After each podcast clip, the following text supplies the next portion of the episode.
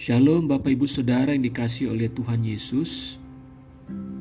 Salam jumpa kembali dalam renungan firman Tuhan bersama dengan saya Pendeta Pardamian Pasaribu. Kali ini saya akan membagikan satu firman Tuhan yang terambil dari Injil Matius pasal 7 ayat 21 sampai 23. Bukan setiap orang yang berseru kepadaku, Tuhan, Tuhan akan masuk ke dalam kerajaan sorga, melainkan dia yang melakukan kehendak Bapakku yang di sorga. Pada hari terakhir banyak orang akan berseru kepadaku, Tuhan, Tuhan, bukankah kami bernubuat demi namamu dan mengusir setan demi namamu dan mengadakan banyak mujizat demi namamu juga?' Pada waktu itulah aku akan berterus terang kepada mereka dan berkata, Aku tidak pernah mengenal kamu. Enyahlah daripadaku kamu sekalian pembuat kejahatan. Bapak Ibu Saudara yang dikasih oleh Tuhan Yesus, menjadi murid dan pengikut Kristus adalah suatu panggilan yang kudus, mulia dan berharga dari Tuhan. Sejak seseorang dipanggil menjadi murid Kristus, Sesungguhnya Tuhan sudah menetapkan mereka untuk menjadi serupa dengan Kristus, mengikuti teladan Yesus. Dan Tuhan juga memberikan kuasa serta otoritas kepada setiap orang yang percaya kepadanya. Namun, sayangnya dalam perjalanan rohani mereka, tidak sedikit dari murid-murid Yesus yang sudah melayani bahkan dipakai oleh Tuhan dengan kuasa yang luar biasa. Tetapi mereka mengalami perubahan di dalam sikap hati mereka, yaitu di mana hati mereka yang semula tulus, murni, penuh dengan kasih kepada Tuhan, melayani Tuhan dengan bersemangat dan berkobar-kobar. Tetapi entah karena sesuatu hal, hati mereka menjadi berubah hati mereka menjadi tawar, bahkan menjadi kotor dan menjadi jahat.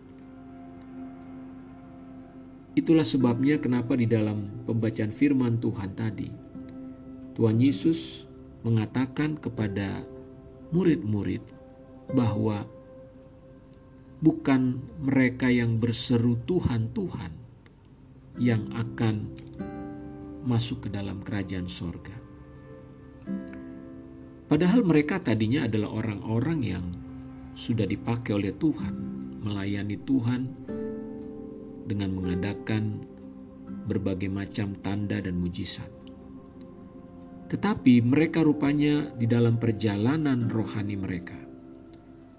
Mereka tidak waspada dan berjaga-jaga sehingga mereka kemudian berubah hatinya berubah dari hati yang tulus, hati yang murni, hati yang mengasihi Tuhan, menjadi hati yang tawar, hati yang kotor, dan menjadi jahat. Dan ketika hati mereka sudah berubah sedemikian rupa, maka mereka menjadi sulit untuk kembali kepada Tuhan. Atau dengan kata lain, mereka seperti tidak ada kesempatan untuk bertobat kembali. Itulah sebabnya mengapa pada hari pengadilan mereka akan mengalami kekecewaan karena pada hari itu Tuhan berkata kepada mereka bahwa Tuhan tidak mengenal mereka. Mereka ditolak oleh Tuhan sekalipun mereka sudah pernah melayani Tuhan. Sebenarnya bukan Tuhan yang menolak mereka, tetapi merekalah yang telah mengeraskan hati, dan akhirnya hati mereka berubah menjadi jahat, dan kemudian mereka menolak Tuhan. Bapak, ibu, saudara yang dikasih oleh Tuhan, ini adalah sebuah peringatan yang serius kepada setiap kita sebagai murid-murid Kristus. Kita yang sudah mengenal Tuhan, bahkan kita yang sudah melayani dan dipakai Tuhan, agar jangan pada akhirnya kita memiliki hati yang berubah, hati yang menjadi jahat, dan hati yang akhirnya menolak Tuhan. Tentu saja, perubahan hati seseorang tidak terjadi secara tiba-tiba, tetapi itu sudah melewati proses yang lama. Kenapa bisa terjadi seperti itu? Karena mereka mungkin tidak menjaga hati dan pikiran mereka dengan sungguh-sungguh. Mereka tidak menjaga hati dan pikiran mereka agar tidak dicemari oleh dunia ini. Mereka tidak memperbaharui pikiran mereka secara terus-menerus agar selaras dengan kehendak dan firman Tuhan. Itulah sebabnya kenapa akhirnya hati mereka menjadi keras dan akhirnya betul-betul sulit untuk berubah dan kembali kepada Tuhan.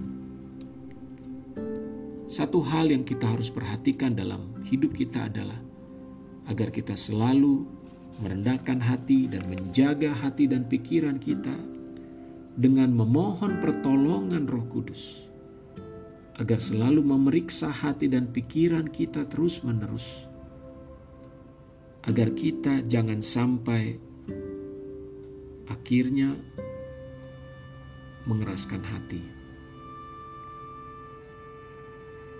Jika Roh Kudus mengingatkan saudara, atau firman Tuhan berbicara kepada saudara, baik melalui khotbah, melalui pembacaan Alkitab, atau bahkan saudara mendengarkan renungan pada malam ini, pada saat ini. Atau ada seseorang yang mungkin menasehati atau mengingatkan saudara. Ambillah sikap rendah hati untuk memperhatikan nasihat, teguran, atau peringatan tersebut. Dan mintalah pertolongan Tuhan untuk membawa saudara kepada pembaharuan hati kembali. Karena dengan sikap yang seperti itu, maka itu akan mencegah saudara dari akhir yang mengecewakan dan penyesalan yang sia-sia pada saat hari pengadilan Tuhan.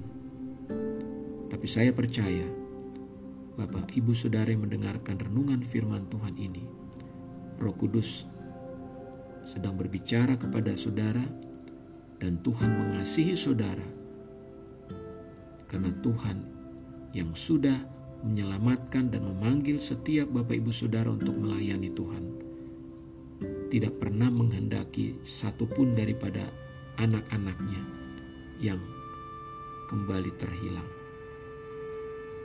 Tuhan Yesus memberkati, mari kita berdoa.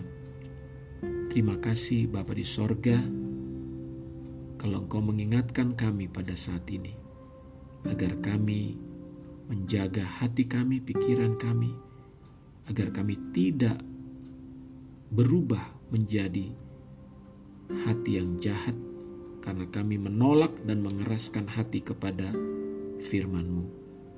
Bapakku berdoa biarlah setiap mereka yang mendengarkan firman-Mu pada saat ini. Kiranya roh kudus berbicara dengan lembut, bahkan juga dengan keras. Agar kami semua boleh diperbaharui dari hari ke hari. Agar hati dan pikiran kami terus dimurnikan, dibersihkan dari segala macam kekotoran dan kenajisan dunia ini. Bapa hamba berdoa, kuasamu dan kasihmu, itulah yang sanggup untuk membawa kami terus-menerus di dalam jalan-jalanmu ya Tuhan, di dalam kebenaran firman-Mu. Terima kasih Bapa di sorga. Hamba berdoa juga bagi mereka yang sedang bergumul dengan berbagai macam situasi dan keadaan, persoalan-persoalan dalam hidup mereka. Tuhan Engkau menguatkan hati setiap anak-anakmu, agar tidak ada satu pun daripada anak-anakmu yang merasa kecewa, tetapi sebaliknya mereka tetap percaya bahwa di dalam situasi yang sesulit apa pun, Tuhan tetap menyertai, bahkan Tuhan yang memberikan jalan keluar kepada mereka. Hamba berdoa terbukalah pintu-pintu jawaban, pintu-pintu berkat bagi mereka yang sedang membutuhkan pertolongan Tuhan saat ini. Berkati pekerjaan, berkati usaha mereka. Pulihkan rumah tangga mereka, pulihkan hubungan-hubungan yang sedang rusak. Hamba berdoa dalam nama Yesus Kristus. Biarlah kiranya kasih karunia Bapa mengalir dengan melimpah, memberikan kekuatan dan jawaban atas setiap anak-anakmu. Terima kasih Tuhan. Hamba juga berdoa bagi mereka yang sedang sakit saat ini. Mereka yang sedang menderita berbagai macam penyakit. Penyakit kanker, penyakit jantung, penyakit tumor, penyakit ginjal, lever, bahkan penyakit-penyakit yang membahayakan dan menular, HIV, COVID, Tuhan apa pun penyakit daripada anak-anakmu pada saat ini yang mendengarkan firman Tuhan ini. Tuhan di dalam nama Yesus Kristus, kami patahkan dan hancurkan segala kuasa penyakit dalam tubuh mereka kami katakan engkau hai penyakitnya dan pergi dalam nama Yesus Kristus.